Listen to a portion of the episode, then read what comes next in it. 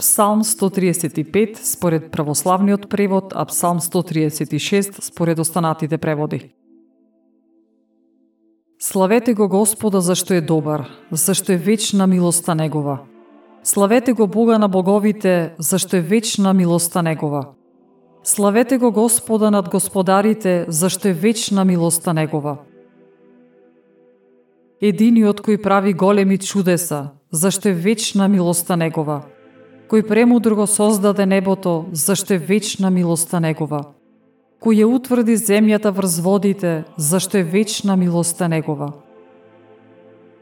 Единиот, кој ги создаде големите светила, зашто е вечна милоста Негова. Сонцето да управува со денот, зашто е вечна милоста Негова Месечината и звездите да управуваат со ноќта, зашто е вечна милоста негова. Кој го порази Египет и првородените негови, зашто е вечна милоста негова. Кој го изведе Израел од средината нивна, зашто е вечна милоста негова. Со цврста рака и подигната мишка, зашто е вечна милоста негова.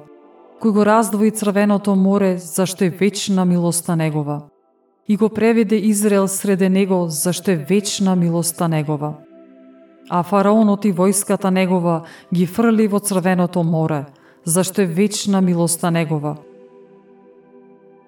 Кој го преведе својот народ преку пустината, зашто е вечна милоста негова.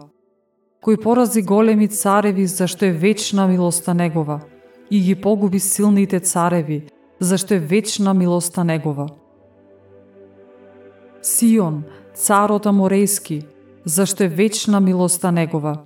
Јог, царот Башански, зашто е вечна милоста негова.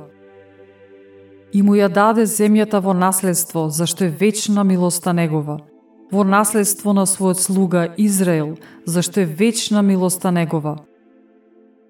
Кој се сеќава на нас во нашето понижување, зашто е вечна милоста негова и не избавува од непријателите наши, зашто е вечна милоста Негова, и кој дава храна на секоја плод, зашто е вечна милоста Негова.